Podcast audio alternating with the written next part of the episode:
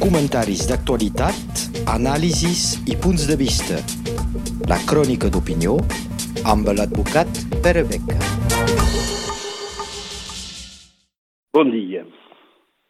Sembla que passem tots un mal moment. Mal moment per raons de salut pública, mal moment per raons de democràcia, veient el que passa a quasi tot el món, i mal moment per als catalans per al procés.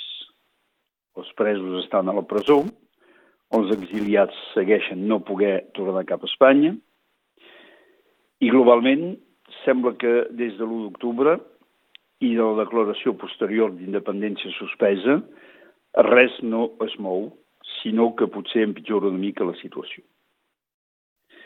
Sembla que falti en aquests moments un nou moviment, potser gent nova, per donar una empenta, donar una altra possibilitat a tot aquest procés, a tot aquest moviment. Perquè, mentrestant, els estats globalment, i especialment l'estat espanyol, van fer la seva. Primera, amb una política de repressió que podríem qualificar de suau, però posant la paraula, paraula suau entre cometes, és exacte que no hi ha tiros, no hi ha sang, però hi ha repressió. I per altra part, per utilitzant els esdeveniments actuals per empitjorar la situació del moviment català. Repressió suau entre cometes. La pressió i l'exili, especialment per als que els pateixen, no pot ser gens suau. Però sí que és exacte que no hi ha violència greu declarada de part de l'Estat, sinó una violència continguda, permanent, per no provocar relacions internacionals i per intentar que els catalans perdin els nets. Violència retinguda però permanent contra les persones, tinguent en compte que Espanya ara fa dos anys quasi bé està governada per una coalició socialista i de Podemos, i que, per tant, el que se'ns va explicar al primer moment, és a dir, posar de la presó dels caps de moviment civil, el Jordis, president de l'ANC i de la Unió Cultural. Se'ns va explicar que això era un fet que ja s'havia començat anteriorment i que, degut a la independència del sistema judicial, no s'hi podia tornar a sobre i havia d'anar fins al cap. Potser sí posar de la presó dels nous, nou polítics presos en aquests moments per decisió del Suprem. Mateixa raó, independència judicial. Però per lo que fa de la manera d'arreglar l'execució d'aquests càstigs de presó, és a dir, d'una feina més administrativa d'organització, de condicions de lliberació condicional, de condicions de possibilitat de sortir, d'anar a veure la família, de tenir una feina, això sí que és de la competència de l'Estat i que, per tant, sense perjudicar la independència de la justícia, l'estat socialista i Podem tindria possibilitat de fer alguna cosa, el que no fa. I més enllà d'això, en aquests moments, els socialistes europeus i especialment els socialistes espanyols han votat al Parlament Europeu, acceptat, que es sigui posat a la llista dels delictes permetent l'extradició d'una persona independentment del seu immunitat parlamentària, que seria el cas de Puigdemont i de Comín, entre altres delictes, o de contestar, de discutir l'unitat dels estats tal com estan constituïts. I això ho han votat els socialistes al Parlament Europeu.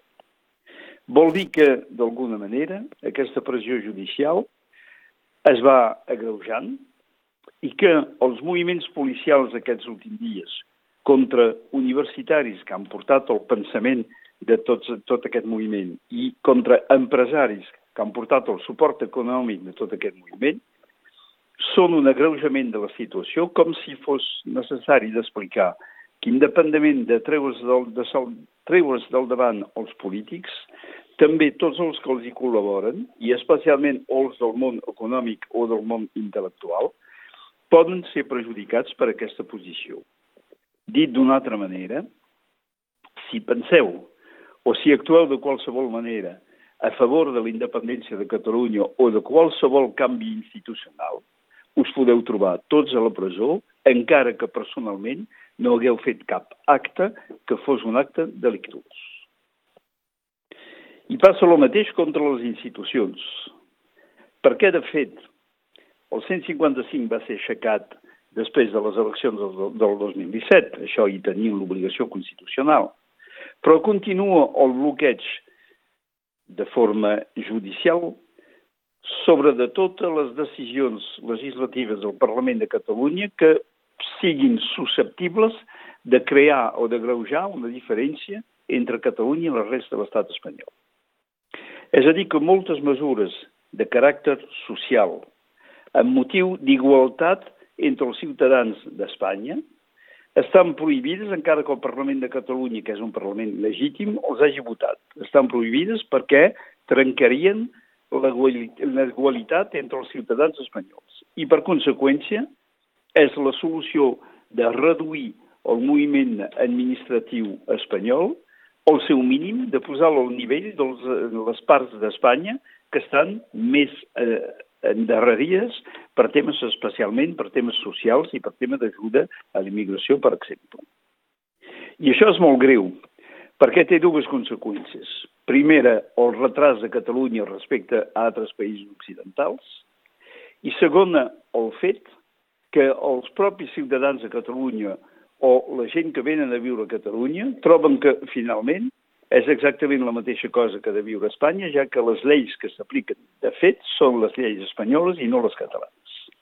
És a dir que per aquesta repressió suau contra les institucions, sempre, sempre, sempre que ningú no hagi disparat, ningú no hagi fet actes greus, no hagi corregut sang, tenen una conseqüència pitjor perquè són d'alguna manera la possibilitat d'esborrar el moviment no sols independentista, sinó fins i tot autonomista de Catalunya.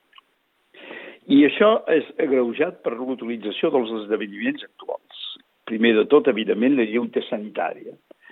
És evident que aquesta lluita sanitària ha de ser coordonada, ha de ser d'alguna manera organitzada col·lectivament.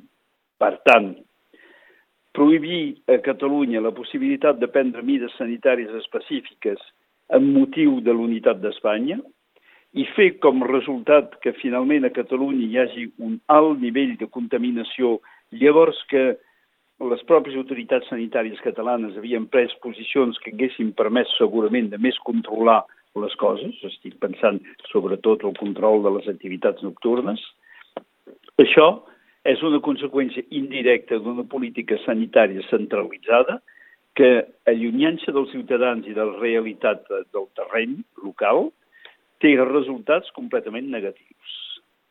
I aquesta privació de fet del dret a manifestar que, es, que està eh, funcionant a Catalunya l'11 de setembre no s'ha fet, la commemoració de l'1 d'octubre tampoc s'ha fet, aquesta privació del dret a manifestar amb un aspecte d'obligació sanitària, de fet, aprofita perfectament el moviment centralista espanyol. I l'altre aspecte és també l'utilització del terrorisme i de l'antiterrorisme. I això no és únicament el fet de l'estat espanyol, sinó de tots els estats europeus. A l'estat francès s'ha parlat d'una llei contra els separatismes, que evidentment s'ha explicat molt que era contra el separatisme musulmà, però que de fet, segons com es llegeix aquesta llei, podria ser també que afectés els separatismes altres, perquè la República Francesa com l'estat espanyol són considerades d'alguna manera com de dret diví.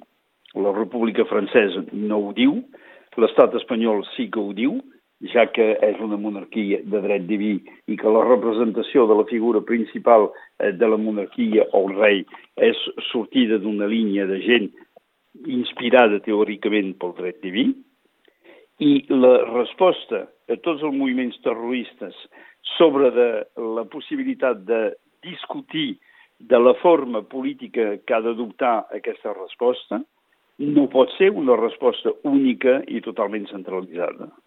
A Catalunya hi ha molt, molt musulmans, molt magrebins que viuen i que són prou bé integrats.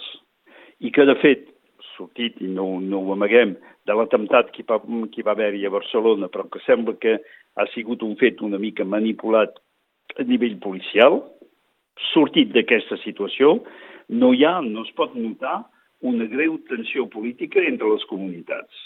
Per tant, l'estat espanyol prohibeix que Catalunya permeti una real integració, una real política d'integració dels nous arribants a Catalunya, obligant-los a passar per una integració primer espanyola abans que sigui catalana. I això és la conseqüència del centralisme estàtic. Centralisme estàtic que finalment és independent de les opcions polítiques perquè tant ho feia el PP de Rajoy que ho fan actualment els socialistes i Podem del senyor Sánchez. Crec que la democràcia s'està desviant i que el panorama actual a través del món de les reaccions democràtiques al final acabaran favorint moviments independentistes, moviments autonomistes, moviments que busquin el canvi. Ja és una altra història. Per nosaltres, catalans, el que hem de fer és quedar en la mateixa posició, sense violència, però amb una voluntat determinada de poder decidir nosaltres del nostre futur polític. Moltes gràcies.